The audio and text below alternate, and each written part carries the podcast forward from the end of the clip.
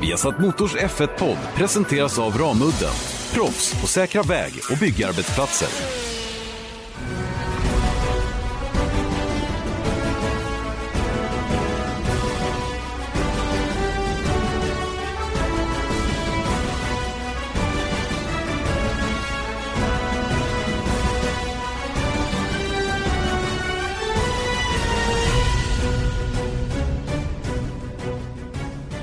Härligt hörni.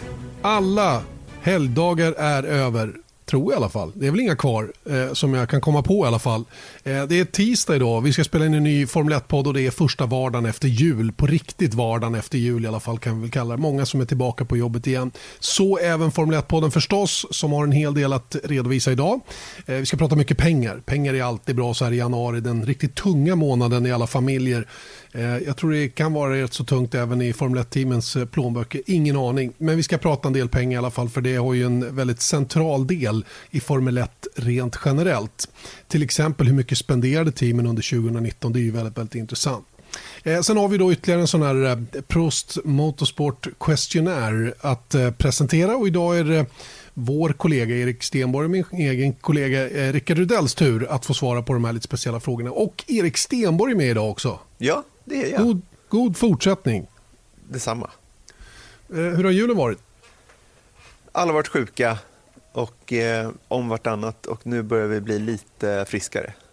Lagom till att vi sätter igång igen. Klassiskt småbarnssyndrom. Småbarnsföräldersyndrom. Mm. Du då? Du har börjat träna? Eh, Eh, jag har börjat att träna lite grann. Jag har ju en, eh, jag har ju en eh, period nu mellan säsongerna här där jag faktiskt har lite tid att, att spendera på mig själv. Investera i min egen kropp lite grann, för det behövs. Eh, med tanke på att man blir äldre och äldre. Jag såg att Robin Nilsson var väldigt, väldigt sugen att sätta igång och börja kommentera igen. Jag, med ålderns rätt så är inte jag fullt lika angelägen att starta redan nu. Eh, speciellt inte, vad var det, närmare 40 bilar, i Bathurst 1000 som han var sugen på. Ja, men jag tror samtidigt att du kanske inte tror det, men du är rastlös. Ja, har jag märkt. Det är, det är du försöker hitta på saker och Magnus Andersson, vår fotograf, han, han, han, ringde i morse och sa att han tyckte att det var lite segt nu. ja, men vi är lite lika allihopa. Och det är klart, det blir ju så när man, när man uh, har den här livsstilen. Det, det är väl tveklöst att det liksom hänger ihop. Man, är, man gör det man är van att göra. Det är väl så KBT brukar säga, att man, man, det, man, det man gör ofta blir man bra på. Mm. Resa alltså? Resa och, och, leva det här livet så att säga rent allmänt. Så att, mm. um, ja, ja, Hur som helst, um, Formel 1 ska vi prata om idag. Uh, det har ju varit lite lugnare under julhelgerna nu och vi har ju släppt de här intervjuerna. Då, the, the, the, the Prost Motorsport Questionnaire som vi har döpt det till. Då. Eh, Marcus Eriksson och Björn Wirdheim har varit först ut nu idag, alltså Rickard Rudell. Mer om det lite senare. Det kommer andra härliga gäster också fortsatt under det här lite, lite lugnare perioden i alla fall. Men Erik, på nyhetssidan har det ändå hänt en del. Eh, till exempel i förra veckan så blev det klart att Robert Kubica ansluter till Alfa Romeo av alla. Mm. Eh, som tredje och reservförare då för säsongen 2020. Och eh, det var väl en del som kanske höjde på ögonbrynen över det eftersom det var andra team som, som tycktes ligga närmare till hans. Precis, men det är nästan inte det man ska titta på vilken förare som har anslutit till Alfa Romeo utan det är snarare kanske vilken sponsor som har anslutit till Alfa Romeo. Och det är alltså PKN Orlen, eh, polskt oljebolag. Och eh, Det är där jag tror att när det har varit rykten runt Robert Kubica så tror jag att teamen kanske främst har tittat på sponsorn, inte ja. föraren. Ska vi plocka ner lite grann så, så, eh, så är det ju så att Robert Kubica som tredje och reservförare eh, i Alfa Romeo betyder ju långt ifrån att han kommer att köra någonting. Det är klart att han har han, han är standby om det skulle behövas. Det, så är det ju att vara tredje förare. Fråga Marcus Eriksson förra året då med, med tanke på situationen i, i Belgien till exempel. Men någon körning är ju, kommer det ju inte att bli något mer i Formel 1 för Robert Kubica. Så då kan man ju undra varför han tar ett sånt här uppdrag. Mm. Eh, och Det är väl ingen tvekan om att det team som nu signar upp Robert Kubica är mer angelägen om att få sponsorn än Robert Kubica som, som reservförare. Eh, och eh, Då var det ju många som var lite förvånade över att, att eh, man tycker nästan att det här är ett skämt. Vad ska Robert Kubica hänga kvar för? Bla, bla, bla. Behöver Alfa Romeo så här mycket pengar? Behöver de pengar så mycket snarare? Mm. Och alla de här grejerna. Och det, det tycker jag, det, den frågan är ju rent av dumt ställd. Eh, för att titta på Formel 1 så är det såklart att man behöver pengar. Det behöver alla hela tiden. Och en sån här sponsor, det är ju en jättefjäder i hatten för, för Alfa Romeo att plocka in Orlen då som, som co-title sponsor, vilket de blir. Då, och, och sannolikt kostar det dem en hel del pengar också att, att få den, den titelsponsorrollen. Absolut, och det är det jag menar med lite med att det handlar om att värva sponsorer för team. Och då är det ju också vad kan man erbjuda. Det är samma sak som Eh, när Verstappen var på väg in i Formel 1. Då handlade det om vem kunde erbjuda mest och då är det såklart att det Alfa Romeo då erbjöd var att Alfa Romeo skulle heta Alfa Romeo Racing Orlen 2020, vilket de kommer göra. Så att, jag menar, det är klart att det är, jag, jag, kan inte säga vilket belopp det är, men det är oerhörda pengar som krävs för att bli en titelsponsor. Eh, och sen kommer Kubica med, men det är också en sån där grej att nu försöker folk motivera, liksom, jo men Kubica är ju väldigt duktig simulatorförare. Mm, det är han ju säkert. Men Kanske, menar, inte ja. vet jag.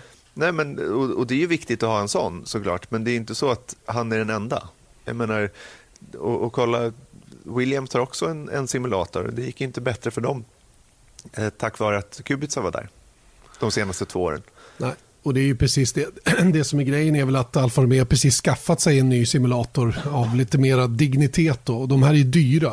Jag läste att prislappen börjar på 40 miljoner euro. Börjar på 40 miljoner euro för en simulator. Mm, och det är ju helt störda pengar för att få någonting som faktiskt man kan ha nytta av så att säga som ett helt team. Mm.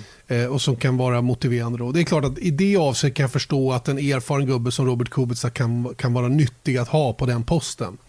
Men, men samtidigt om han nu har haft begränsningar i bilen när han körde eh, under 19 så har han väl samma begränsningar i simulatorn kan jag tycka då samtidigt. Men uppenbarligen så säger folk i alla fall som har lite mer insyn än vad jag har att han har han, han, är, han har stark feedback så att säga. Han, han har nyttig och stark feedback. Men jag har varit med för länge för att tro att det är det som är grejen. Jag tror att Robert Kubica tar den här rollen som tredje reservförare i Alfa Romeo för att betala tillbaka till Orlen. Mm. För att han fick köra för Williams under 2019. Att han kunde liksom inte kliva av där för det var viktigare för Orlen att vara kvar i Formel 1. Eh, och att kunna göra det med hjälp av Robert Kubica och att det utåt sett ser ut som att Kubica har en viktig roll i Alfa Romeo under 2020. Mm.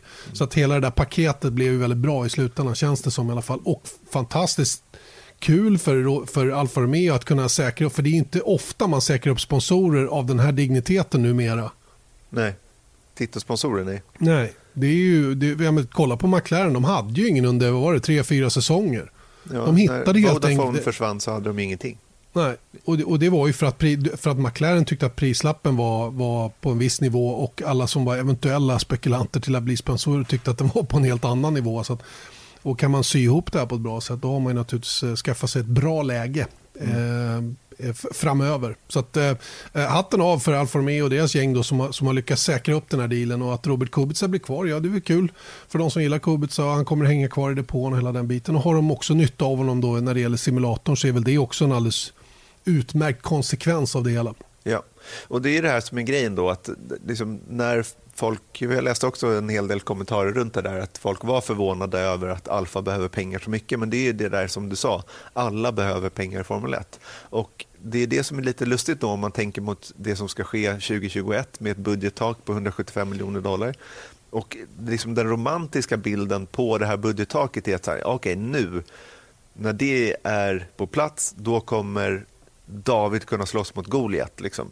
Och vid vissa tillfällen så kommer man kunna eh, utmana Mercedes liksom, och få träffa rätt. Och, jag menar, det stämmer ju, men budgettak eller ej, man behöver allt, alla pengar man kan få för att hänga med. Och Då tycker jag det är lite intressant, apropå det, då, att läsa det som Andreas Seidel sa i veckan var att McLaren räknar med, eller hoppas på, att kunna träffa budgettaket till 2021. Alltså att de har de här 175 miljoner dollarna eh, att spendera på prestandan i deras, eh, för deras bilar.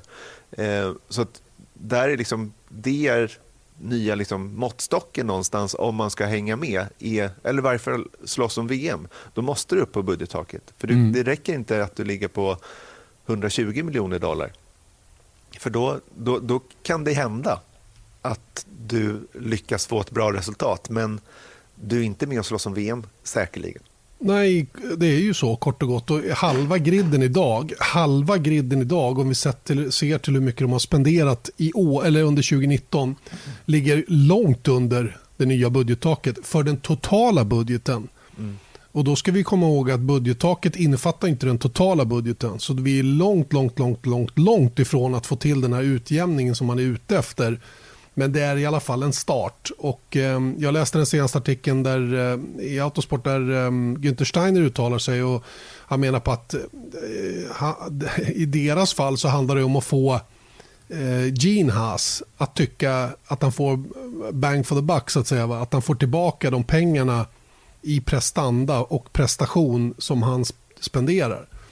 Och, och, eh, Det är väl det som kommer att bli den stora akillesgrejen eller den eh, knutpunkten för ett team som Haas om de ska fortsätta eller inte i Formel 1. För Jag tror inte det är säkert nämligen eh, innan de har signat på något nytt Concordavtal. Concorde-avtal. Och det har ju ingen gjort om jag har förstått saker rätt. Och det, det gällande Concordavtal går ut i december 2020.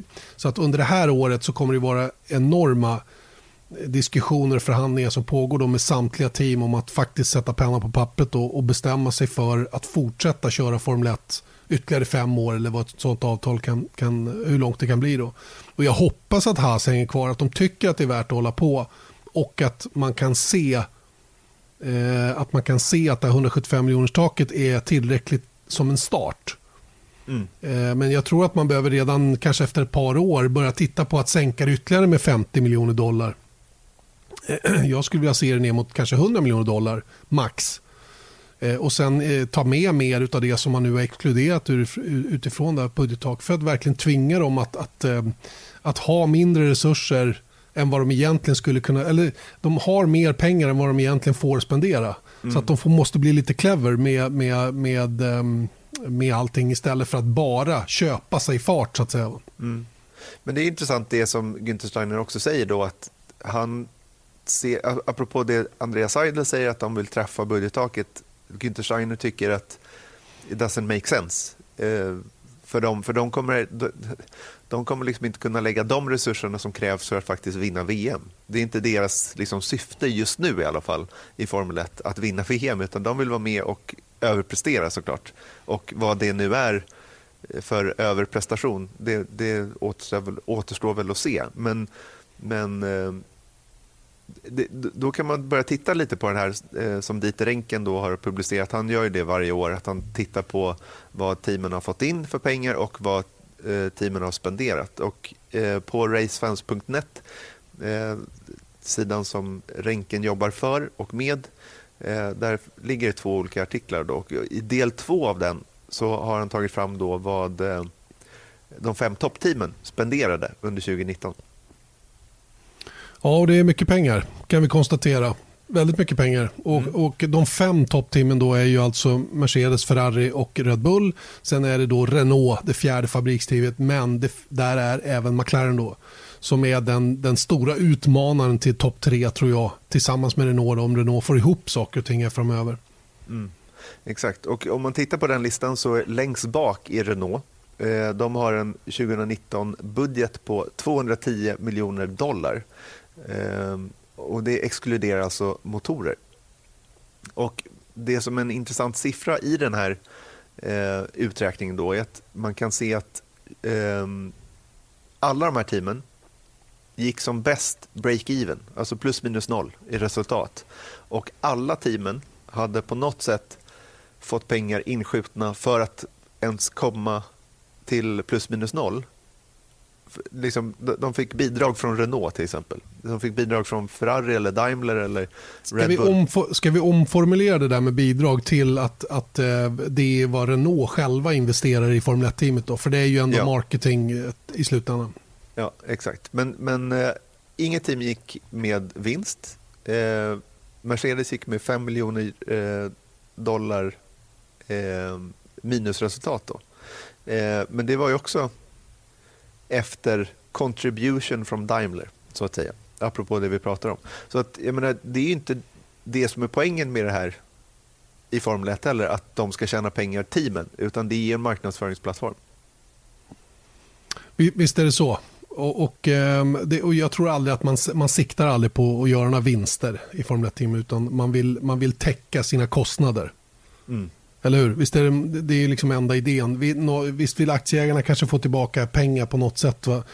Jag tänker kanske framförallt på McLaren då som, som är ett aktieägt eh, bolag. Det är de i och för sig allihopa lite på olika sätt. Men eh, McLaren har ju inte någon koppling till någon större biltillverkare på det sättet.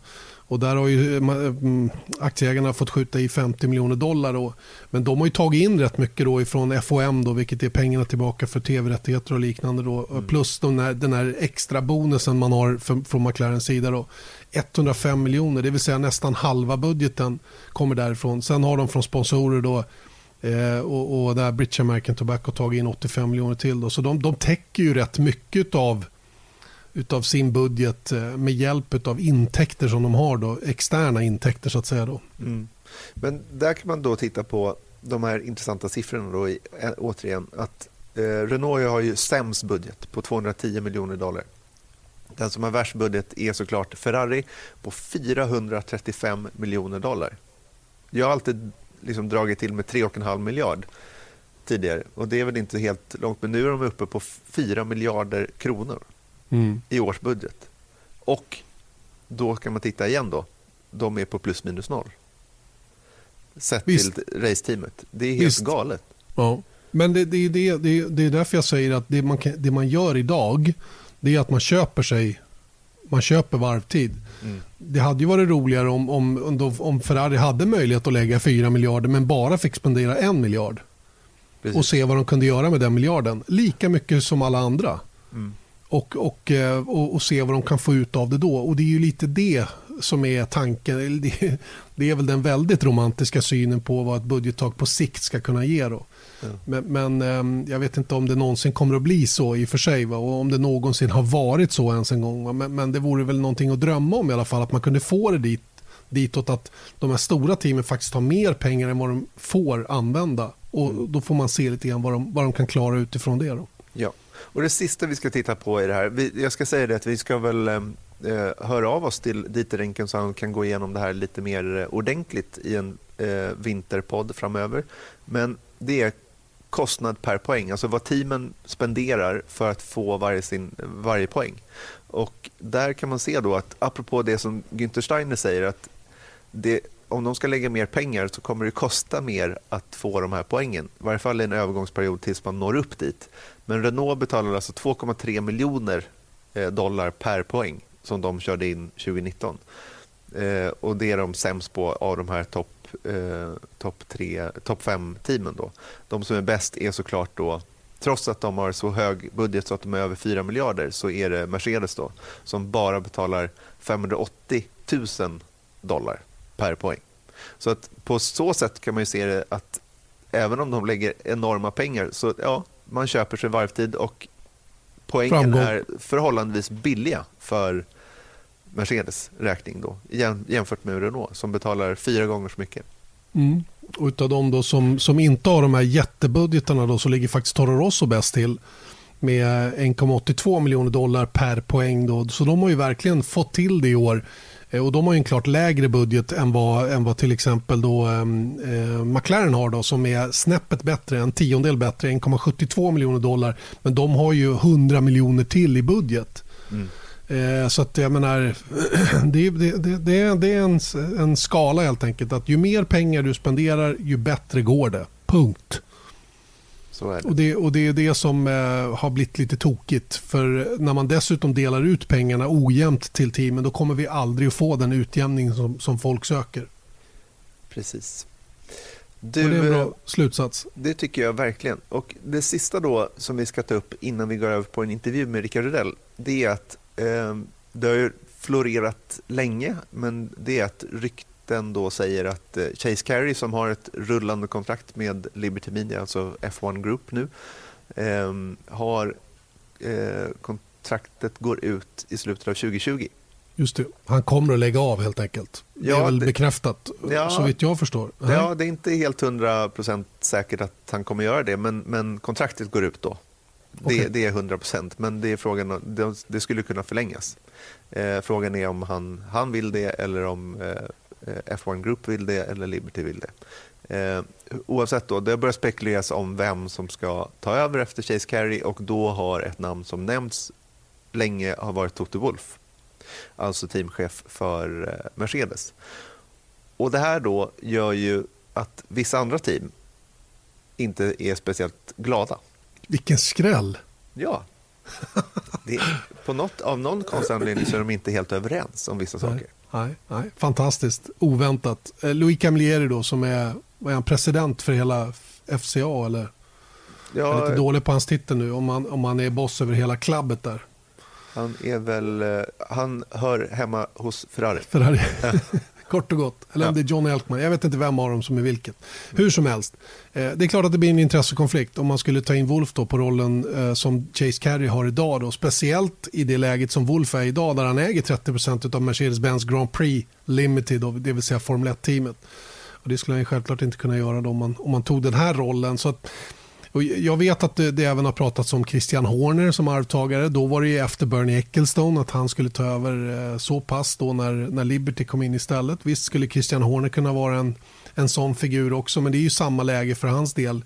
Gissningsvis har han ägarintressen i, i, i Red Bull-teamet på ett eller annat sätt som, som är ett sätt att betala honom för hans tjänster då givetvis. Ja. Men skulle du se Wolf som ett rimligt namn om Carey hoppar av? Med tanke då på att han äger 30 procent. Det skulle i så fall nästan betyda att Mercedes skulle behöva dra sig ur Formel 1 ja, för att, att han, han, skulle kunna ta den. Eller att han säljer sin del då. Ja, eh, absolut, men 30 procent är en ganska stor ägarandel. Ändå. Ja, visst sjutton är det. Eh, rent eh, liksom, kompetensmässigt skulle jag tycka att Toto Wolff var en alldeles utmärkt person att ta över efter Chase Carey. Ehm, det, det, är jag helt säker på. Han är, ju, han är ju verkligen en businessman och har hela den biten plus att han har det sportsliga. Kanske på ett annat sätt än till exempel Ross Braun då, som naturligtvis också har blivit tvungen att lära sig businessdelen men är ju i huvudsak tekniskt slash sportsligt eh, killen i Formel 1 och vilket den rollen han nu även har. Då. Så, så jag tror att uh, Toto Wolff skulle vara bra. Men, men jag eh, har ju inga ägarintressen i Ferrari eller i Red Bull. Så att jag, jag ser ju det här lite på ett annat sätt då, givetvis än vad de gör. Och vi har ju så otroligt liten insyn. Va? Det blir man ju mer och mer... Eh, man, man, blir mer och mer klar över detta. Att sitta här och kommentera så här stora saker det är egentligen omöjligt eftersom man inte man har inte en aning om vad som pågår under, under täcket. Så att säga, va? Och det är ju det som är, det är, det som är lite obagligt också. Att transparensen inom Formel 1 är ju inte jättestor. Samtidigt som vissa grejer som man ser sker är helt hårresande egentligen när det gäller just intressekonflikter och ingen överhuvudtaget höjer på ögonbrynen över det. Va? Så att vissa saker är acceptabla eller accepterade och andra saker kan man inte acceptera överhuvudtaget. Ja, och då kan man komma in på det här, finns intressekonflikter eh, och risk för det som Camilleri då oroar sig över.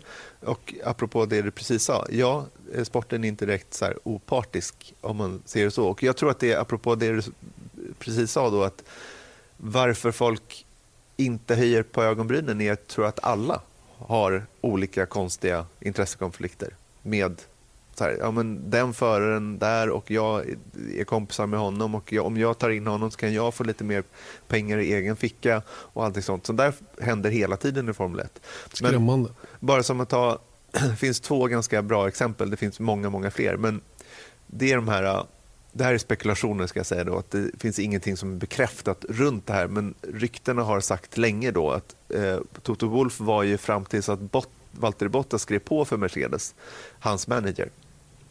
Och det var då som de liksom utåt sett då sa att så fort eh, det var liksom i samband med pressreleasen att Bottas skrev på för Mercedes säger de så här, men nu har vi stängt av alla övriga business connections med Bottas och Toto Wolf. Men spekulationerna säger fortfarande att, att eh, det finns kopplingar fortfarande, men framförallt att det fanns kopplingar då.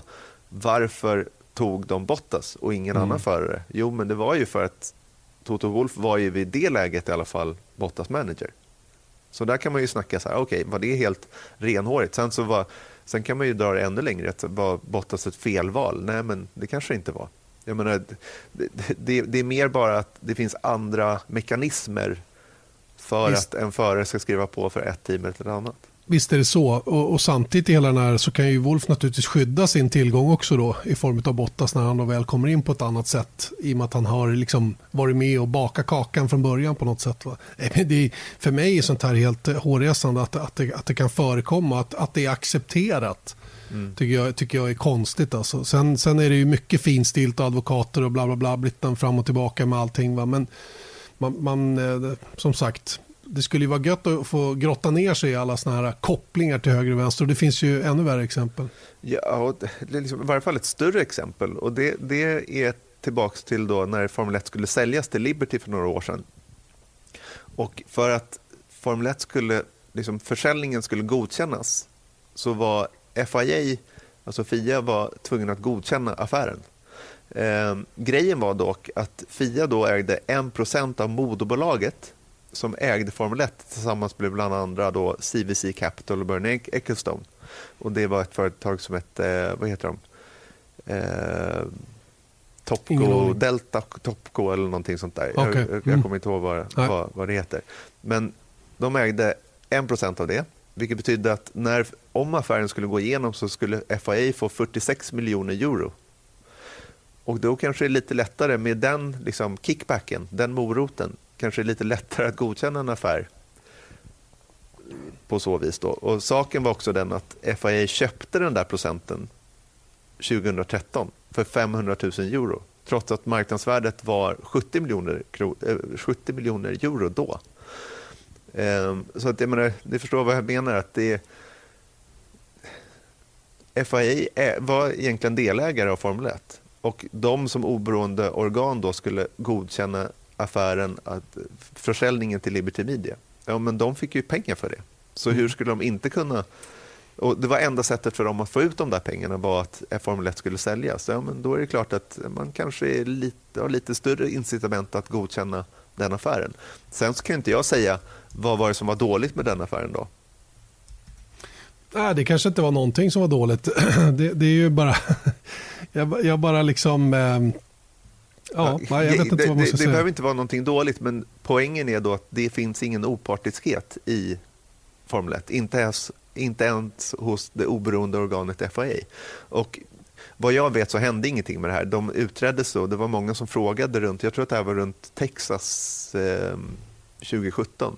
Så att det var ganska stora skriverier om hela den här affären då. Om, liksom egentligen om mutor och, och eh, bedrägerier av olika former. Då. Och då eh, vet jag att Jean Totto anlitade kons konsultfirman Deloitte för att utreda och se till att Fia var fri från mutor och korruption. Och Det var väl sannolikt då för att bemöta den här kritiken då som låg i vassen och lurade. Mm. Om jag fått tidslinjen korrekt här. Visst, och man kan ju kritisera såna här saker, eh, självklart. Eh, men, men, samtidigt får man ju också lyfta blicken lite grann och se till, har det, har det skadat sporten? Och alla de här, ju, det är ju som sagt det är omöjligt för en annan att, att ha några åsikter om egentligen. Va? Men det är ju intressant där när vi kört de här intervjuerna eh, som, som vi ska köra en till idag, när, när får frågan om vad man ogillar mest med Formel 1. Och det tror jag gäller de allra flesta faktiskt, om man ska ställa den frågan. Det är politiken. Mm. Och politiken kommer ju av att det är så pass mycket pengar inblandade och att näringskedjan av människor som ska leva på det här är så oerhört lång. Det senaste och fräschaste exemplet på det här är ju naturligtvis Robert Kubica då, som, som kommer till Alfa Romeo. Alfa Romeo då, som har en kille som heter Alessandro Alune Bravi som är direktör då i ägarbolaget till Alfa Romeo eller Sauber-teamet. Eh, och de två jobbar ihop då på, ja, han är ju advokat och han, han, det sägs att han jobbar med det, det legala och administrativa runt, runt omkring Robert Kubica men säkerligen i managementteamet på ett eller annat sätt. Va? Och jag menar, visst, visst, det gör det ju naturligtvis enklare att sy ihop en affär om man har de här kontakterna med varandra. Va? Och, och återigen, alltså, jag vill inte säga att de har gjort något fel på något sätt. Men, men eh, det, är, det är lite sjukt hur den här branschen ändå funkar. Att, att, att vissa saker är så pass accepterade som de är. Mm. Ja, men, jag menar, än en gång, det, det behöver inte varit något liksom påverka sporten eller någon negativt egentligen, men det är just den här grejen att om man eftersträvar, som en journalist till exempel, att man måste vara objektiv. Ja, Okej, okay, men helt plötsligt så, hur, hur det, det, är på samma sätt som att säga, okay, men vi, vi, eh, hela Viasats produktion skulle betalas av, av Shell. Mm. Ja, hur, hur eh, kritiska skulle vi kunna titta på vad, vad, vad Shell håller på med i övriga världen till exempel. Det, det, det, det sabbar ju liksom vissa eh, möjligheter vissa, att vara objektiv. Vissa samarbeten blir ju liksom svåra att ha. Mm. Kan man väl säga. Utifrån det perspektivet. Va? Samtidigt får ju sånt stipuleras i ett eventuellt avtal. Vad man ska och inte ska. Vilka connections som ska vara. Men då måste ju de avtalen finnas att läsa. För ja, den och vissa som undrar... är inte rimliga bara. Nej, det är nej, liksom nej. Som, jag menar, vi skulle inte kunna sponsras av, eh, liksom, av något eh, bolag som är liksom, inne i Formel 1.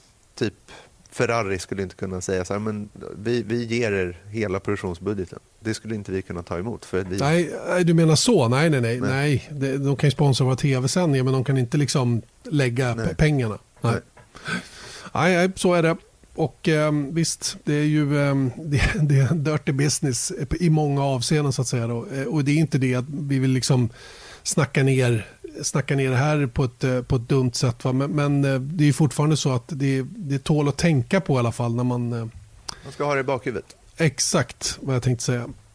Vesat Motors Formel 1-podd då eh, fortsätter så här eh, första riktiga vardagen efter jul. Janne Blomqvist, Erik Stenborg. Vi har pratat mycket pengar en stund nu. Absolut. Ska vi, det är synd att inte vi har så mycket pengar som vi har pratat om det. Men eh, det kanske kommer någon gång, det vet man aldrig. Nu ska vi fortsätta med det här Prost eh, Motorsport Questionnaire. Exakt, med Rickard the Smiling Assassin Rudell. Just så, och den här delen av Formel 1-podden då eh, är alltså sponsrad eller presenteras av Berta Soni då som är ett eh, köksutrustningsföretag. Ett eh, familjeägt sådant eh, från Italien som har funnits i över 100 år och eh, de skapar produkter som gör att du kan laga mat på ett vackert sätt som de själva säger. tycker jag är fint, fint uttryckt och fina grejer är det faktiskt om du har tittat på dem. Ja, otroligt alltså. Jag har mm. hemsidan uppe nu och eh, jag tycker bara loggan är, är nästan som Detroit Red Wings logga på Just det, hjulet och vingarna där ja. Mm, stämmer, stämmer. Bertasoni.se är adressen. Bertasoni.se i alla fall adressen eh, om ni vill eh, gå in på, på den och eh, titta själva då på de här gas och elspisar och allt vad det nu är de har för någonting. Väldigt coola grejer. Hörrni, nu eh, ska vi inte babbla mer utan nu kör vi eh, Prost Motorsport Questionnaire del 3. Här kommer Rickard Rudell. Rickard Rudell, vi sitter i eh, ett hotell nära Stureplan i Stockholm ett hotell där jag faktiskt intervjuat en annan motorsportspersonlighet och det är Emerson Fittipaldi till den här podden. Häftigt, oj det är ganska schysst att bli förknippad med honom, vilken eh, legend. Exakt, för det är liksom den förknippningen ni har i stort sett tillsammans, eller hur? Eller hur? Eh, ja men det är sant, det är en annan era. Någon som man såg liksom när jag växte upp och började med, med racingen kan man säga. Men du, vi ska köra igång med den här intervjun.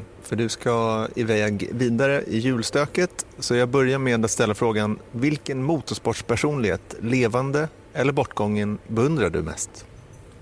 Eh, då motorsportpersonlighet, då tänker man ju närmast på förare som har kört tidigare. Och när jag, när jag var yngre och körde karting och började med formelbilar, då hade jag nog ingen riktig sådär som man tänkte på. Men mer och mer så växte det en förare fram och det är Ayrton Senna. Kanske för att det var just den tiden som jag började själv köra formelbil som han blev riktigt stor. Och vissa av hans race som man såg, eh, ja, det finns ju jättemånga exempel när han började i Monaco eller Donington 93 var det väl. Eh, så att, jag måste säga Ayrton Senna. Tävlade du någon gång mot honom i någon eh, kapacitet? Nej, han körde karting innan. Jag var ju ett antal år efter honom. Så att aldrig mött honom på banan. Vilken levande person i alla kategorier, alltså inte bara motorsport, beundrar du mest? Eh, det måste man ju tänka lite på. Men jag tror inte att det är en person direkt som jag kan säga att jag beundrar mest. Jag tycker man ser upp till väldigt många personer och det kan vara, ibland vara personer i ens närhet som man tycker gör bra saker, eh, som har bra värderingar, som gör något. Jag tänker liksom, och, och beroende lite på vad det är för något. Om det handlar om att eh, varit otroligt duktig på att driva ett företag eller driva ett Formel 1-team om man säger det. Eller Greta Thunberg, det hon åstadkommit eh, med, eh, alltså som, för miljön. Eh, så att jag tycker nog att jag försöker se upp till många olika personer. Men om du säger, om vi bara tar efter de där Formel 1-podd då. Om du ser, du nämnde någon som driver ett stall.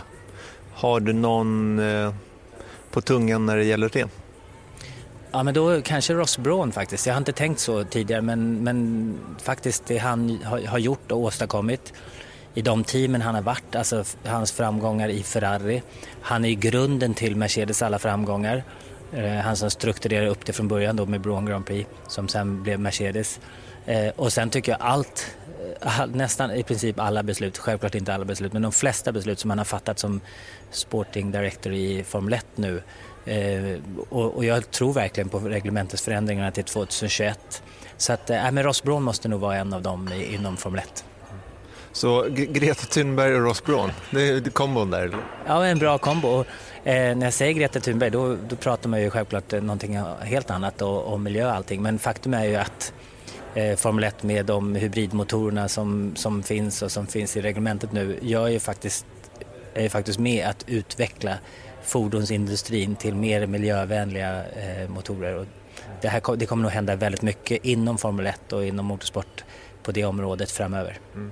Det är faktiskt någonting som jag inte tänkt på innan Ross Braun sa det på det sättet och det är just den här grejen att elektrifieringen som är inom fordonsindustrin till exempel att Formel 1 kommer antagligen inte, vad det verkar som nu i alla fall, inte gå den vägen. Men kanske vara som en plattform för att hitta alternativa bränslen, alltså en förbränningsmotor fast med miljövänligt bränsle. Det tycker jag var en otroligt så här, en aha-upplevelse när han sa att det var liksom ett mål för Formel 1. Så är det och hybriddelen i den här motorn är ju det mest eh, ja, fram, vad säger man, det som har kommit längst i utveckling av alla motorer i hela världen. Och precis som du sa, för just förbränningsmotorn, där kan de ju göra bättre och där kan de hitta bättre eh, medel och miljövänligare alternativ. Så att det, jag tror att det är vi alla siktar, vi, vi, pratar bara el, el, el, men det kanske inte alls är lösningen långt eh, framåt så att det blir spännande att följa. Går vi in lite mer på dig då. Vilket tillfälle inom motorsporten har betytt eller påverkat dig mest? Ja, eh, just tillfälle är väl eh, kanske eh, det som har hjälpt mig i karriären som mest, om jag tänker tillbaka. Det kanske är när, kval, när jag kvalade fyra i Macau 1988. Vi var där med Pico Truba Racing, svenskt team. Jag hade en mekaniker, ingen ingenjör i princip i teamet.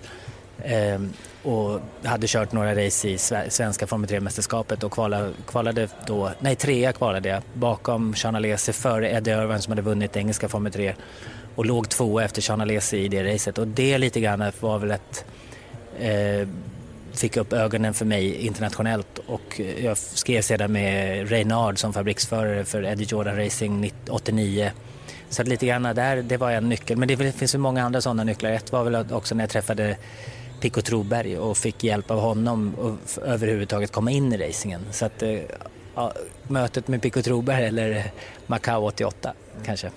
Berätta mer om Pico Troberg, lite kort i alla fall. Vad, hur såg det mötet eh, ut? Och liksom, för Pico Troberg är ju en sån här, han har tyvärr gått bort, men han har ju varit en liksom, nestor inom svensk racing i stort sett eh, de senaste 40 åren. Jag hade kört gokart eh, sen sedan jag var liten och det var egentligen min pappa som körde rally när han var yngre, eh, hade ett motorsportintresse. Min bror körde kart för mig och jag körde karting. Egentligen så var jag väldigt allmänt idrottsintresserad, spelade hockey, fotboll och all, andra sporter. Men blev ju mer och mer biten av motorsporten tack vare att jag just kanske mest tävlingsmomentet inom karting då. Och det var min pappa som la fram Idrottsbladet, fanns tidigare, en tidning som skrev om motorsport. Och det var en hel sida eller till och med ett helt uppslag om eh, att Pico Troberg och Thomas Danielsson bröt. Så var det, det var liksom en sån här spricka i bilden mellan Thomas Danielsson och Pico Troberg. Pico hade hjälpt Thomas Danielsson in i Formel 3. Eh, men det samarbetet hade brutit. Så sa min pappa, ska vi, ska vi fråga Pico om han kan hjälpa oss, liksom hjälpa dig vidare? Och på den vägen var det. Så vi tog ett möte med Pico och sen eh, eh skrev, signade ett eh, kontrakt med honom där liksom han hjälpte mig Eh, in i Formel 3 mot att jag skrev ett, man, ett långt eh, managementkontrakt med honom. Så att, då är det kortfattat beskrivet. Och, så att han, det mötet och hon, han, Pico Troberg, betydde väl allt för att jag skulle ta mig vidare från karting till racing. Men då, hur kommer det sig att du började med racing, vilket är nästa fråga? Det kanske är att spola tillbaka några år innan dess då? Ja, det är då i, i och med att min bror började före mig eh, och det var faktiskt min pappa och farbror, de två körde ju rally när de var yngre.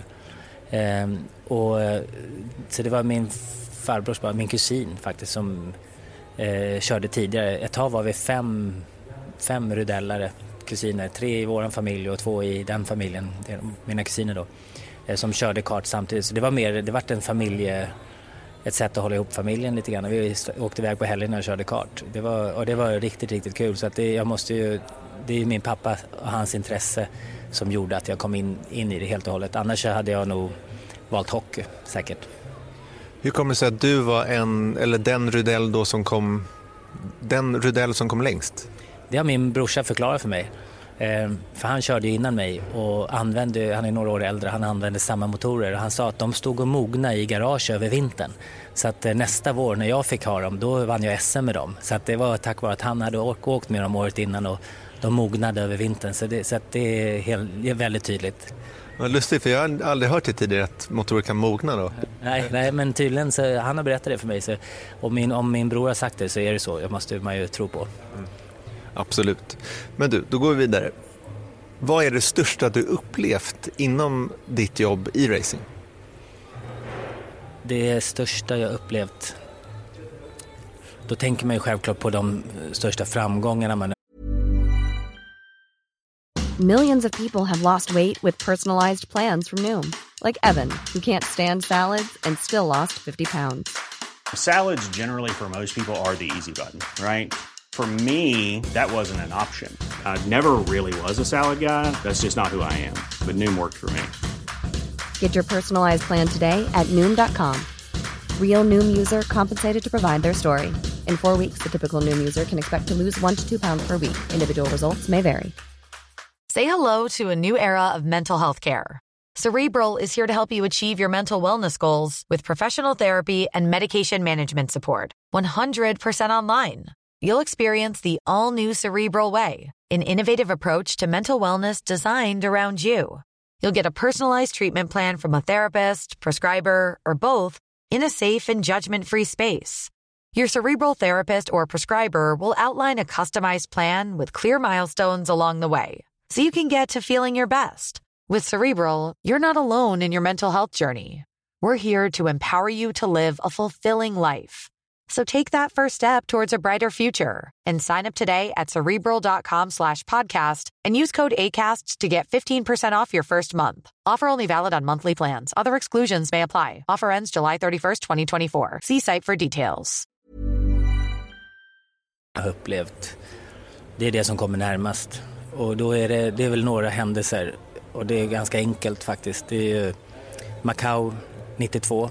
Eh, det var en otrolig känsla bara att Eh, i och med att jag har varit där tidigare, stått i pool två gånger, kraschat, eh, annat som har hänt om racen. Det, är ganska, det händer ju väldigt mycket där. Och bara gå över mållinjen och veta att jag hade vunnit. Jag kommer ihåg den känslan. Den, det var någon slags lättnadskänsla samtidigt som bara eufori. Det var, jag kommer ihåg långt, långt efteråt just den känslan man fick. Och det är svårt, det gick inte att beskriva. Det var någonting sen som man sökte som man gärna ville uppleva igen. Så Macau 92, eh, vinna BTCC med Volvo 98 på Silverstone, det var samma känsla där. Eh, när man har kämpat hela året, det är väldigt tajt, det avgörs sista racehelgen, näst, ja, näst sista racet. För det, mästerskapet avgjordes då innan det sista racet på söndagen. Eh, den känslan också. Le Mans 2007, samma sak där. Eh, med Aston Martin, det var Aston Martins fabriksteam och med Aston Martins DB9 som vi körde. Eh, efter 24 timmar i, och sista timmen regnade, hällregnade.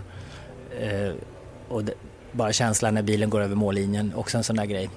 Så det, det kanske är de tre händelserna som är störst för mig. Du nämnde lättnad när du vann Macau i alla fall. Är det, är det ett tema på något sätt att... Är det så att säga rädslan att förlora eller rädslan att inte vinna eller viljan att vinna som har drivit dig?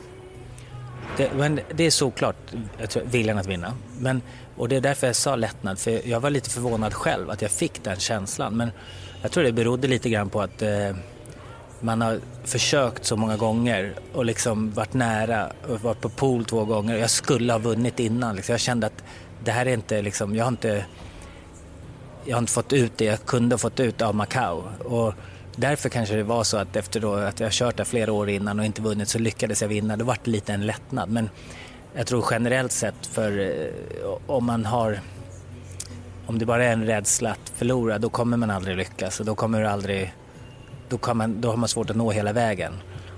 Och det, det, är någonting som man måste kanske lära sig men jag tror samtidigt så samtidigt så, som det är att man vill vinna så har man, finns det nog ändå lite där också att, att man hatar att förlora också. Det, det, det är väl lite grann blandat på något sätt. Mm.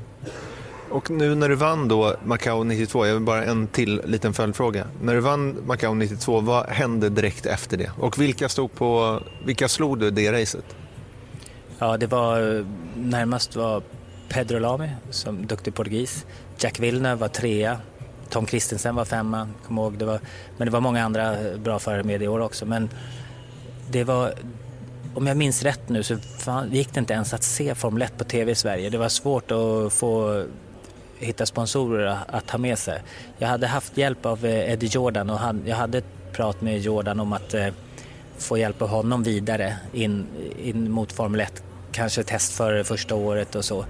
Men jag hade inga sponsorer överhuvudtaget då med mig och eh, valde att köra vidare i Japan. Och, för det var ganska många som tog vägen via Japan till Formel 1 som Eddie Irvine, Mika Salo, eh, Ralf Schumacher, Mikael Schumacher körde väl något race där också men eh, Hans Harald Frensen. Det var många de åren som, som tog det, den vägen in i Formel 1. Och då tänkte jag att äh, jag kommer inte kunna liksom, komma upp med sponsorer och, nu utan jag satsar vidare i Japan. Så att för mig var det naturligt att fortsätta i Japan. Men, så att det var väl det var ganska snabbt beslut att fortsätta för Toyota i Japan. Vad gillar du mest med att vara racerförare? Ja, jag är ju inte det längre, före detta racerförare, men om man ska tänka tillbaks då, då eh, så tror jag, jag det är inte bara tävlandet. Tävlandet självklart är det största. Att liksom få utmaningen att kvala, att sätta ett bra kvalvarv tror jag. Det, det tror jag är en av de största tillfredsställelserna. För det är någonting som man, där du ska vara snabbast på ett varv och bara vara, göra det så bra som möjligt, så perfekt som möjligt. Och någonting som jag har tyckt varit väldigt roligt. Så det är absolut.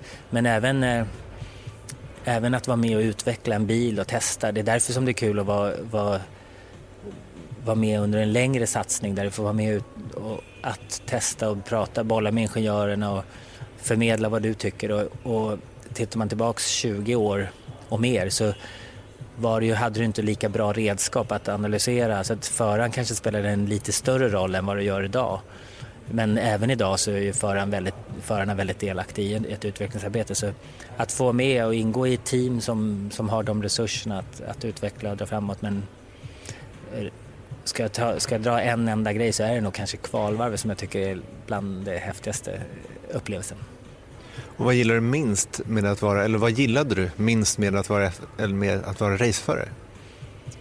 Kanske att eh, kanske det politiska spelet eh, bakom som, som betyder så mycket eftersom det är en sport som eh, där pengar betyder så mycket. Eh, vad du har för budget i teamet och annat som påverkar val av förare eller team eller bilar, alltså allting. Och ett, ett team med en liten budget har aldrig samma möjligheter som ett stort team, så är det ju.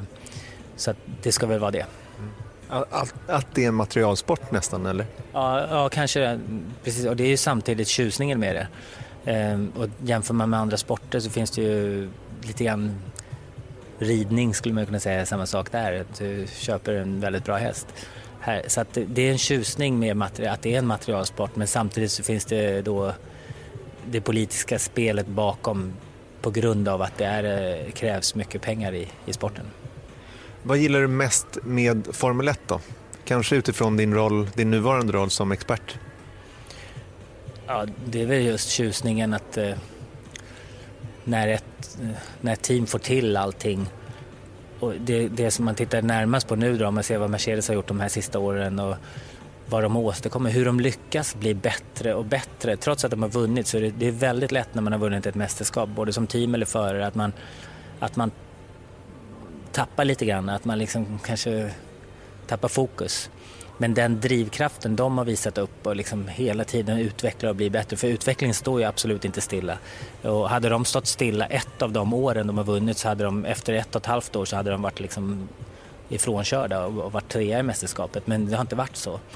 Så att eh, eh det är just det med materialsport, förarna, hur de är involverade och bara se om man följer sporten nu då på det sättet jag gör, att, att följa bra race, spännande race när det är omkörningar. Jag såg ett klipp nyligen på, från Silverstone i år eh, med Verstappen och Leclerc. Båda födda 97, eh, 22 år.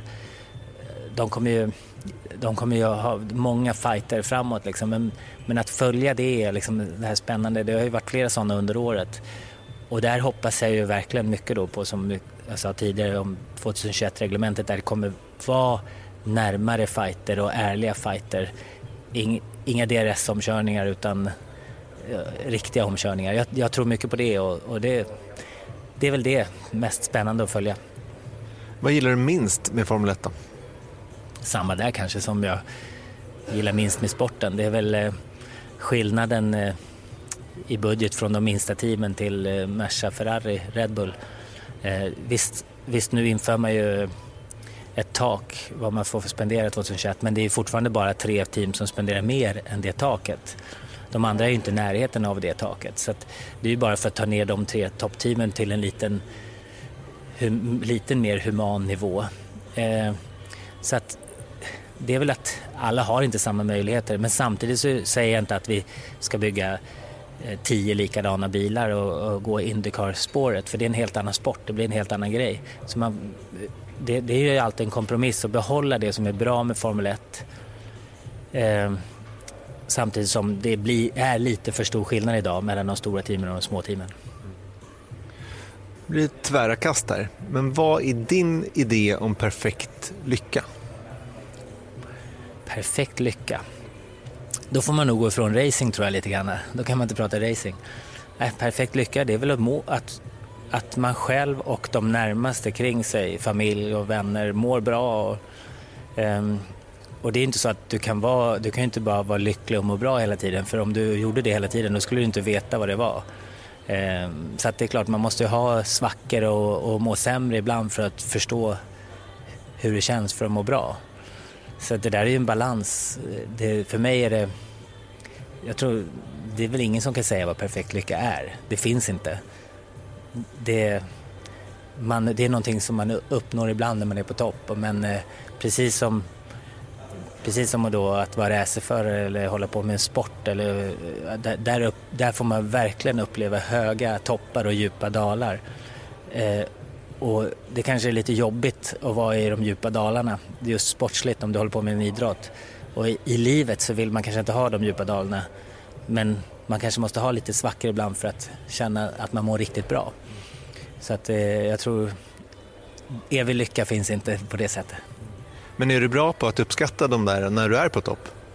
Det tycker jag och jag tycker, inte, jag tycker nog att sportsligt så har jag absolut upplevt djupa dalar och höga toppar. För det gör man verkligen inom, om man håller på med en sport.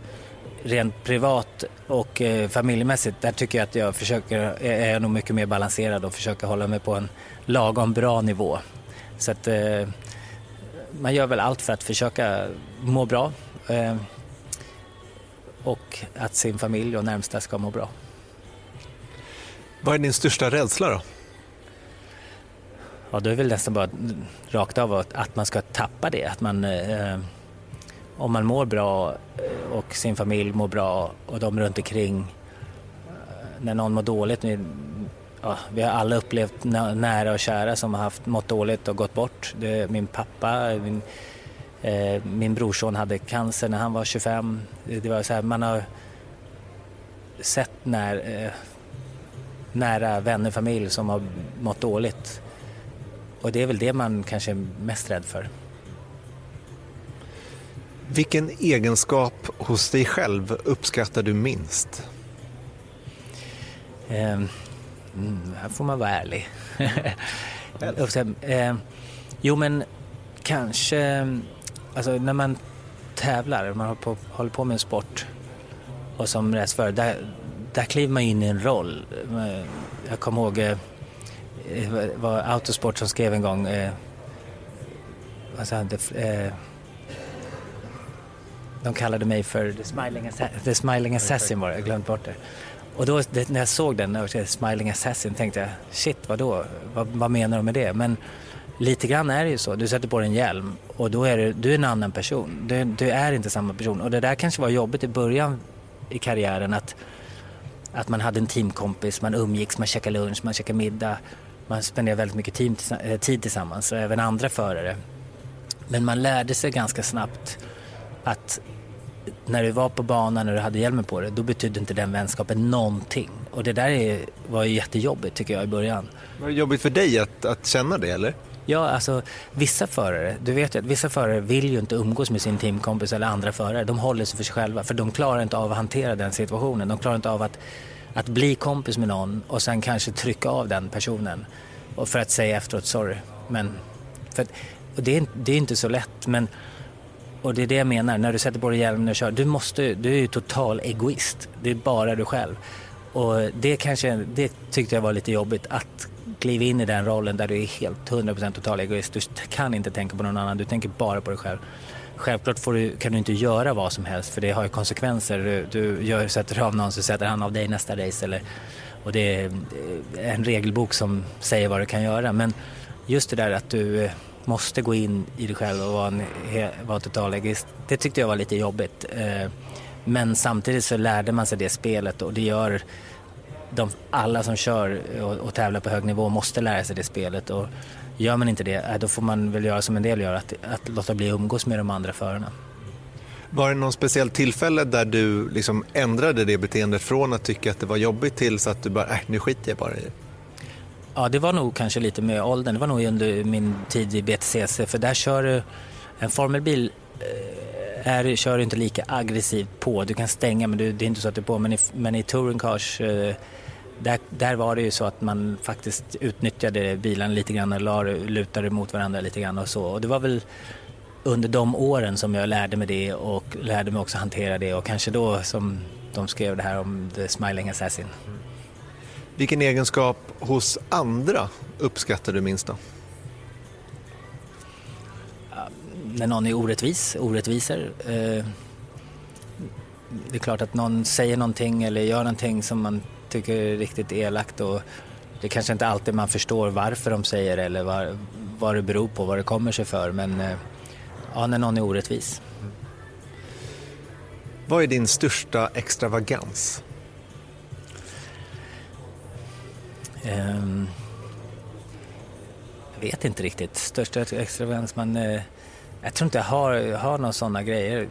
Tycker att vi, tycker att vi bro, bor bra, bor fint, men det beror ju på att vi flyttade dit för många år sedan när det var sommarstugor runt om uh, utanför Stockholm. Men nej, jag, jag kan inte komma på någon. Du har ju köpt en gammal racerbil till exempel, kanske? Ja, min gammal BTCC-bil. Ja, visst, men det var många år sedan. Den köpte jag ett antal år efter jag vann BTCC 98. Så ett par, tre år efter då, genom, från Volvo så tyckte jag att det var kul att behålla den. Visst, det är en extravagans och den, den har jag på kontoret. Eh, och det är kul att få liksom, istället för, eh, ja, istället för att ställa den i ett garage någonstans, så har den någonstans där man, där man ser den var och varje dag, var och varannan dag. Eh, det är ju lite lyx, självklart. Och så att visst, har man, visst har väl jag lite lyx för mig som alla andra men eh, jag tycker inte att det är några stora grejer. Inga så här, eh, samling av eh, Rolls Roycer och klockor liksom? Nej, men inte ännu. Kanske kommer. Ja. All right, då går vi vidare. Och nu blir det, apropå, nu får du inte ljuga här. För vilka... För, jag har inte gjort det hittills. Nej, nej, jag hoppas det. Men vid vilka tillfällen ljuger du då? Oj. Jag, jag, kan inte komma på att jag har ljugit rakt av så. Alltså, det är klart att man har dragit någon nödlögn då, någon gång och kanske för att inte göra någon ledsen att man mer så.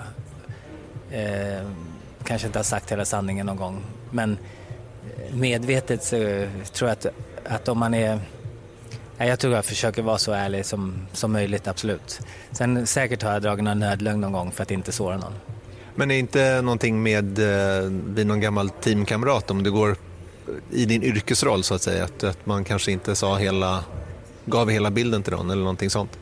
Det har, det har ju funnits, alltså, kanske man har gjort saker, testat saker och så kanske man inte har berättat hela sanningen. Men eh, oftast så, när man jobbar nära en ingenjör, för honom säger du allt. Du kan inte hålla någonting inne för en ingenjör för då förlorar det tappar du bara på själv. Och, och ingenjörens roll i teamet är ju också att prata med de andra. Så då, oftast så, så om du hittar någonting på en test eller så, någonting som du tycker det här är bra, då det tar inte så lång tid så vet alla i teamet om det och din teamkompis kan använda det och, och samtidigt så lär du dig av din teamkompis också på det sättet. Så det, det där lärde jag mig ganska snabbt att det, lö, det, du förlorar bara själv på att hålla inne saker. För, så, så att det, det kanske man gjorde tidigt i karriären men eh, inte sen. Du kanske gjorde någonting med de där mognade motorerna som under vintern mot din bror eller? Nej, de, de bara mognade av sig själva. Men du, vad gillar du minst med ditt utseende? Oj, ja, det finns nog många grejer. Det, som, nej, men det, det jag kan tänka på nu, man är 50 plus. Eh, eller jag vände vid 50 så jag är 48 igen nu. Eh, det är väl kanske att eh, det börjar, det växer mindre hår uppe på huvudet och mer ur öronen. okej, okay.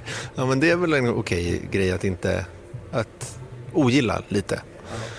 Men vad ångrar du mest i din karriär eller i livet eller vad du nu kan tänkas vilja dela, dela med dig av?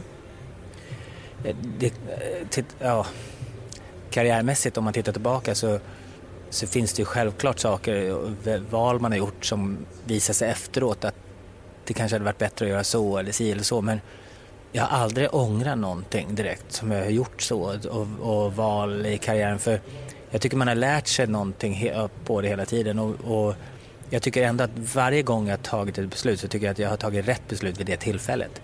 Och annars hade man inte tagit det beslutet. Så det finns ju en anledning till att man väljer någonting. Och det är klart att någon gång kanske det har varit 50-50 och så har man tagit fel väg kanske då. Och då kanske man tycker, oh shit fan, tänk om jag hade tagit det, beslut, det andra beslutet. Men det, jag tycker inte man kan titta tillbaka och säga att och ångra saker så på det sättet. Det är klart man kanske ångrar någonting som man har sagt eller gjort eller så, så liksom mot någon annan. Men eh, ingenting som man kan komma på direkt så. Men om man säger så här, att då, även om du inte ång, jag vet att du inte ångrar din tid med Volvo i BTCC, det är ju eh, ganska självklart att du inte gör det. Men det faktum då att du liksom på något sätt, för det har du berättat tidigare nämligen, att när du eh, började köra touring cars och kör, började köra BTCC, att du liksom inte hade släppt att du var formelbilsförare och kanske skulle hamna i F1. Kan du i varje fall önska att du hade givit Formel 1-spåret en ytterligare push? Absolut, på, på sätt och vis. Men eh, jag visste ju inte att BTCC skulle bli så stort och att jag skulle vara, fortsätta att ha jobb som fabriksförare i 20 säsonger på rad från då 90 till 2009. Men men det är klart att eh, när jag körde Japan, eh, om jag hade gått in helhjärtat för det, satsat ännu mer på det 92 och 93, eh, då kanske chansen hade Selling a little or a lot? Shopify helps you do your thing however you cha-ching. Shopify is the global commerce platform that helps you sell at every stage of your business. From the launch your online shop stage to the first real life store stage, all the way to the did we just hit a million orders stage. Shopify is there to help you grow. Shopify helps you turn browsers into buyers with the internet's best converting checkout. 36% better on average compared to other leading commerce platforms because businesses that grow grow with Shopify. Get a $1 per month trial period at shopify.com/work. shopify.com/work.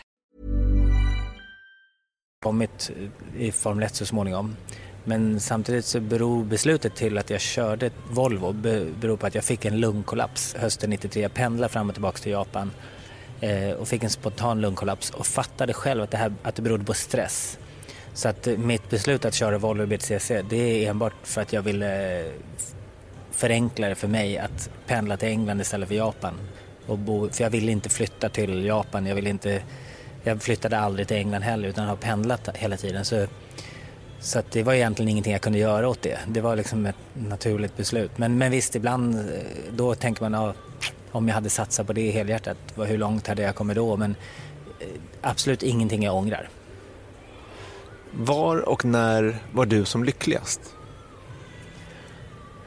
Ja, i... Men det är som sagt, lycka kommer och går lite grann hela tiden. Så jag, jag, kan inte säga att jag har varit jättelycklig vid ett tillfälle och sen olycklig resten. Utan jag tycker det är någonting som kommer och går hela tiden. När man, när man, eh, om man tittar personligt så, så är det ju när man fått barn i livet. Liksom, visst, jättejobbigt mycket och så här, men kanske också samtidigt eh, riktiga höga toppar just lycklighetsmässigt om man ska säga så. Eh, och tittar man karriärmässigt så är det ju självklart de åren det har gått bra så, så kanske man kan förknippa efterhand men det är inte alltid det har varit de roligaste åren heller. Det kan ha varit rätt tuffa år och man har fått kämpa väldigt hårt för att uppnå de målen. Ehm, men det, jag tycker att, som sagt, jag tycker att det kommer att gå. Jag har ingen, jag har ingen självklar så hög topp och lycka eller botten. Jag tycker det går upp och ner lite, lite hela tiden. Mm. Vilken talang skulle du mest vilja ha? Utanför racing då alltså? Vad du vill. Oj. Eh, rockstjärna kanske? jag vet inte. Nej, skämt åsido.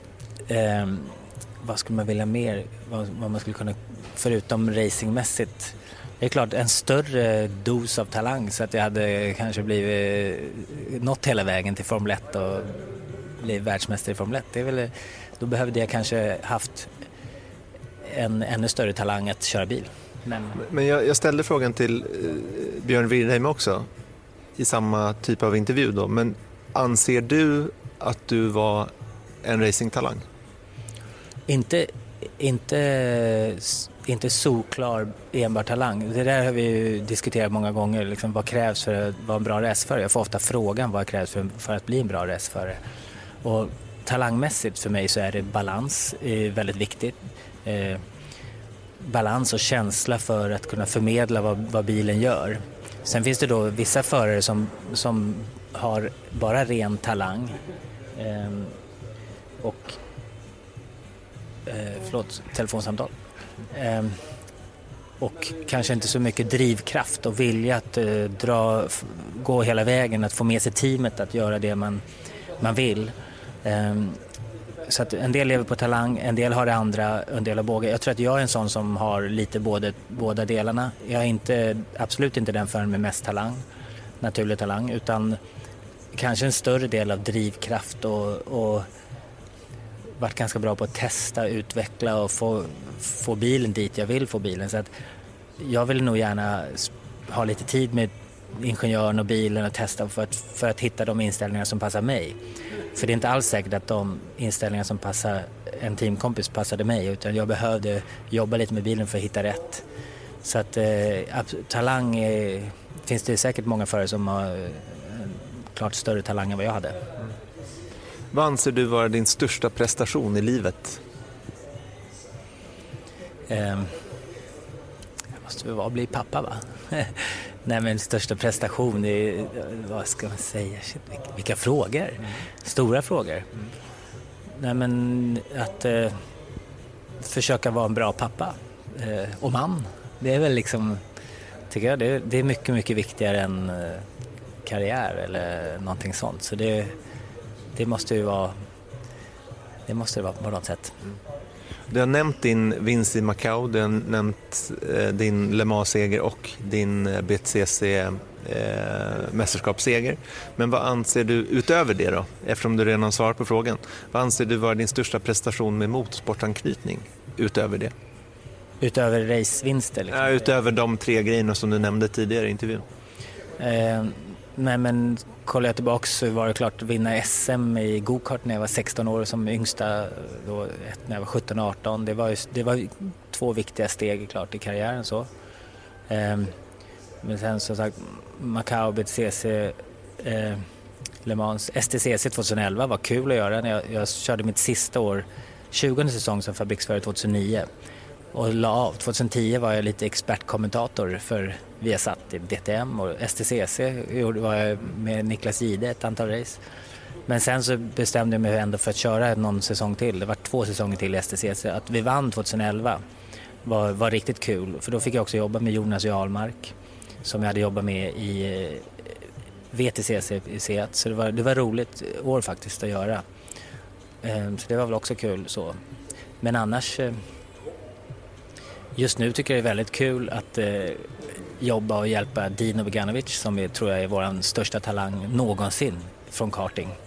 Eh, och förhoppningen är att han kör Formel 4 2020. Berätta lite mer vad, vad, du gör med honom, för det är inte alla som känner till tror jag. Eh, det var egentligen drygt ett år sedan som jag, Joakim Ward som har drivit honom i karting som berättade att han behövde hjälp. Liksom, både ja, eller för, att, för att kunna komma vidare i karriären. Så jag har jobbat med det för att få ihop budget till, eh, ja, till att han ska kunna gå vidare i karriären. Ehm, och där, där håller jag på nu med sponsorer och investerare och för, lägger, gör ett upplägg då för att vi ska lyckas köra en full säsong nästa år. Sen får man ta det en säsong i taget. Det är ju, som sagt, motorsport är en materialsport och det gäller att hamna rätt i bra team med bra utbildning, lära sig rätt saker. Eh, så jag jobbar jättenära han och hans familj nu och vi får se.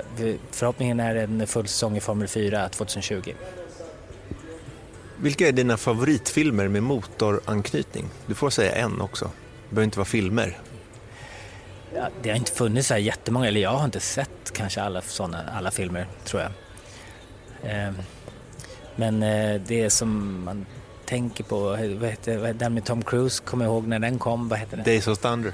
Days of, Days of Thunder. Men eh, nej, men då är det nog Rush ändå.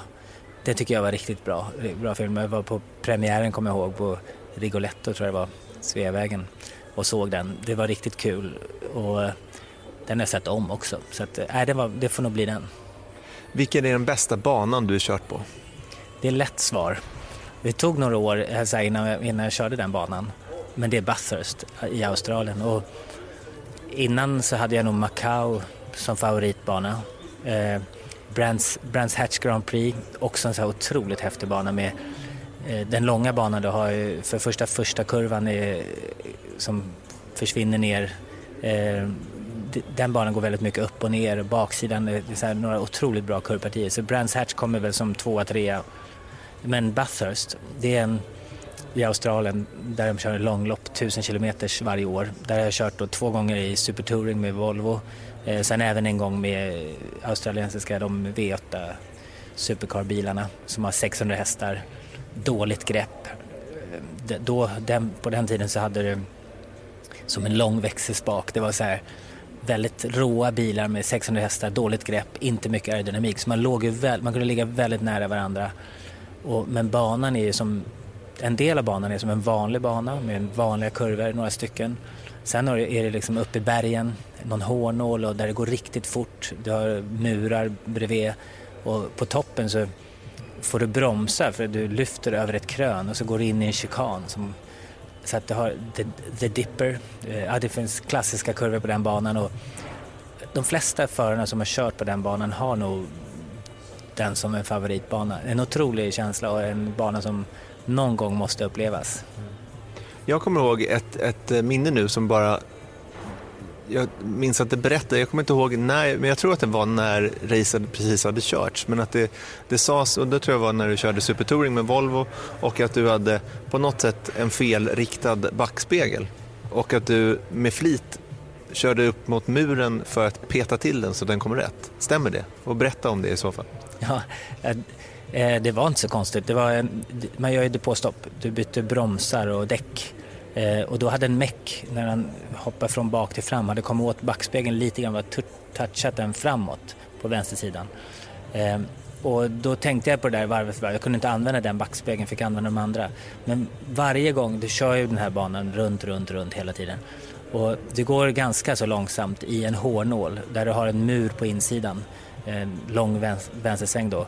Och där när jag körde ett, varv efter varv så tänkte jag så här, alltså här ligger vi ju jättenära. Det är så att man nästan touchar, man kör så nära man kan. Och då tänkte jag, här, måste, här borde jag nästan kunna toucha i. Och, och då liksom med det lyckades jag ett varv och den touchade i och backspänn flickade tillbaka så att jag kunde använda den igen. Så det, det är en sann historia. Det är coolt. Jag kommer ihåg att jag tyckte det var väldigt imponerande när man hörde det. Fortfarande faktiskt. Vilket race i F1-kalendern är det bästa att resa till? Alltså allt sammantaget. Um, när, när någon frågar mig så brukar jag säga de race som är enkla att resa till. Det är där det finns en bana, en flygplats, en storstad. Så då brukar jag säga Barcelona i maj, Ungern i juli eller Monza i september. Men förra året så var första gången som jag var i Australien, på Mel i Melbourne. Och det tycker jag, det var en otrolig upplevelse. Melbourne som race, som händelse, som stad. Riktigt häftigt. Montreal också, sådana här klassiska. Så nu, nu har jag nämnt fem banor. Mm. Men jag skulle nog säga att de fem på kalendern är riktigt häftiga upplevelser alla fem. Det, sen är det klart de här, mm, man pratar motorsportnördarna som jag själv är så skulle jag lätt kunna liksom, spa, att gå inne på banan och titta i de olika kurvorna. Samtidigt finns det inget hotell i närheten, ingen flygplats i närheten. Det är, så det är lite mer jobb och bök. Så det beror lite på vad det är för tittare, vad det är för typ av eh, Formel 1-fan. För att åka så, så det gäller det att anpassa banan till och vad du har upplevt tidigare. Så jag tror att det där är en så här, eh, man kanske börjar, om man inte är så jättenördig i Formel 1 så kanske man börjar med Barcelona eller Monza som har Milano. Eh, och sen går man vidare. Mm. Det är bra. Men vilket är den sämst, vilket race i F1-kalendern är det sämsta att resa till, allt sammantaget? Och det är enligt dig då? Ja, enligt mig, det, av de jag har varit på så ska jag nog säga Shanghai. För det liksom, finns ingen känsla. Första böket att ta sig dit, bara tre gånger på ambassaden för att söka visum. Vi var strulade med någonting fram och tillbaka. Eh, och sen när du kommer dit, eh, hur du tar dig fram och tillbaks ut i banan. Det finns ingen, inte så mycket folk där. Och sen när du är inne och jobbar där så har du, teamen försvinner bort liksom från paddock och eh, det, det blir lite tomt. Avsaknaden av, eh, av känslan inne på området och man kommer inte direkt nära publiken på något sätt heller. Så Shanghai. Okej, nu ska vi snabba på lite här för du har ont om tid. Men hur fort har du kört på bana och i trafiken? Bana 364 eh, på Fuji i en Porsche eh, Grupp C 962 1990 i kval. Just i kval kunde du vrida upp turbon till över 1000, till, ja, drygt 1000 hästar och eh, kunde ta ut det här lite extra och du kommer ut på start, på start och målrakan på femmans växel och i full gas på femman och lägger i sexan och fortsätter nerför den här långa, långa rakan i Fuji. Och, så att det var snabbt. Eh, I trafiken så är det väl säkert i Tyskland någon gång på autobahn för annars så kör jag aldrig över hastighets, tillåtna hastigheten. Nej, nej, nej. Och, Faktiskt är jag ganska noga med att inte åka för fort. Det är klart att jag har kört fort på motorväg eller på stora vägar. Men när det är 30 eller 50 då försöker jag verkligen vara noga med att hålla hastighetsbegränsningarna. Mm. Jag kan nämligen meddela att du har fått fortkörningsböter i Abu Dhabi när vi åkte och skulle spela in det där båtrepet. Jag fick den eh, på mail härom, häromdagen nämligen. Nej, det vet jag ingenting om. det var inte du som körde. Okej, eh, vilken Formel 1-bil tycker du är vackrast genom historien? Jag fick den här frågan inte så länge sedan och då tänkte jag lite, så det vet jag. Det är för mig, när, och det var just då när den kom, men även nu när man tittar tillbaka till den. Jordan Grand Prix 1991, den här med en läskreklam mm. som börjar på sju. Mm. Och slutar på app. Ja, precis. Och den var bara färgerna, designen, vingen, framvingen, sidepods där. Just då när den kom så tycker jag bara wow. Eh, och även nu när man tittar tillbaks, den tycker jag är snyggaste. Vilken racerbil tycker du är vackrast då? Oj. Um, bilarna har ju sett olika ut år från år. Men eh, det kanske beror på nostalgiska minnen, så lite grann kanske Ronnie Petterssons Lotus 78 eller något sånt där. Bara för att, ja, på något sätt någon känsla. Inte kanske för att bilen var den snyggaste bilen, men ja. Vilken är din favoritbil för gata? Har också varierat.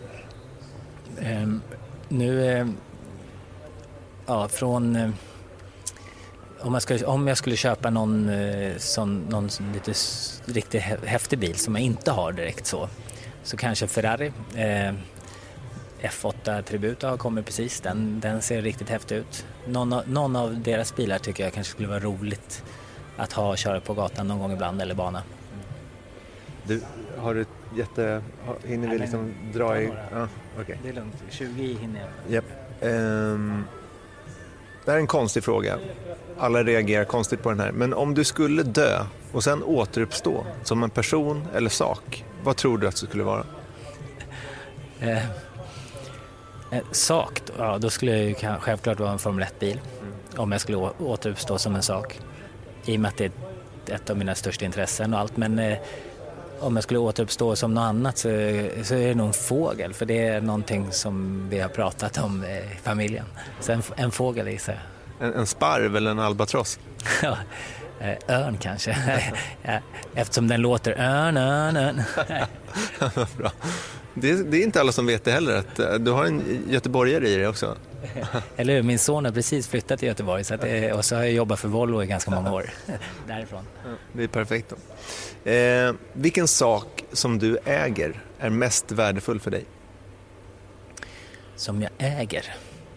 Eh, alltså då är, det, då är det en sak. Du pratar ett, ja, då det väl, måste det vara vårt hus som är det. Vad uppskattar du mest hos dina vänner?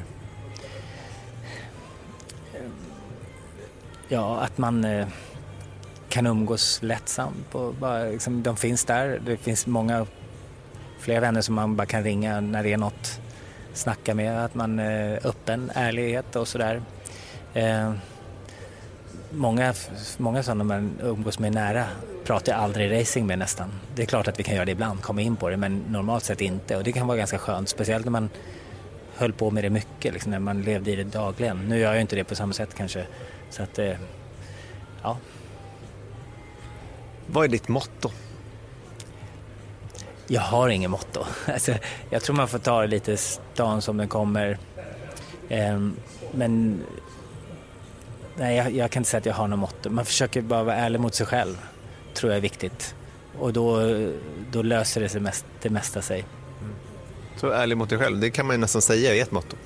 Ja, absolut. Och så finns det de klassiska självklart. Vadå, var mot din nästa så som du vill att han ska vara mot dig. Men, eh, ja, men något sånt. Då, sista frågan, en enkel sån. Vad tror du är meningen med livet? Det var ju en sån här fråga man svarar på tio sekunder, eller hur? Ja. Hur lätt som helst. Nej, men eh, det är lite grann den som frågan innan var, ärlig mot dig själv. Det är väl lite grann att eh, man är här en gång. Det är ingen returbiljett. Och eh, nu, då säger jag inte att man ska bara njuta och ha, göra det bästa av det hela tiden. För, men man får ju se det lite på lite... Självklart ska man göra det. Men man får väl se det på lite längre sikt. Och på försöka Eh, hinna med att göra de sakerna man vill hinna med att göra men samtidigt så måste man ju också satsa lite hårdare och kämpa lite hårdare för att komma dit och för, för att kunna ha möjlighet att göra de saker man vill göra. Så det där är ju en eh, kompromiss hela tiden. Vad, hur mycket ska man leva för dagen och bara göra det man vill just nu och hur mycket ska man blicka framåt? Och där, där får man väl, det är nog upp till var och en, det är nog väldigt olika hur folk tänker och tycker men för mig så tycker jag att jag försöker nog eh, tänka på att njuta av dagen men ändå se det lite på sikt också. Försöka hitta någon balans typ. Ja, och det är väl det det handlar om lite grann. Det, jag pratade om lycka förut. Eh, så det är inte så att du försöker bara vara så lycklig som möjligt hela tiden. Man, får, man måste väl hitta en balans i allting. Tack Rickard. Tack. Rickard Rydell där alltså som eh, får den här lite svåra avslutningsfrågan. Den är inte helt lätt att ta itu med den här sista meningen i livet. Nej, det är chock när, när man ställer den. Kallt Faktiskt. vatten va? Ja, exakt. Men nej. eh, man svarar ju bra. Man får svara efter bästa förmåga. Såklart får man göra det. Och vi kommer att komma tillbaka med en ny F1-podd också efter bästa förmåga, närmast om en vecka igen. Eh, Förhoppningsvis har det hänt lite kul grejer, men eh, sannolikt kommer också då en väldigt, väldigt rolig ny Prost Motorsport Questionnaire-intervju, eller hur? Ja, det är någon, eh, en person som vars namn eh, har någonting med en blombuske att göra, efternamn. Okej. Börjar på R, slutar på ist. Ja, Någonstans där. Och har med rosor att göra på något vis. Vilken skön teaser. Ja. Som vanligt när vi ska sluta de här poddarna så har vi lite kämpigt med det. Men tack och hej säger vi. Tack, tack. Viasat Motors F1-podd presenteras av Ramudden. Proffs på säkra väg och byggarbetsplatser.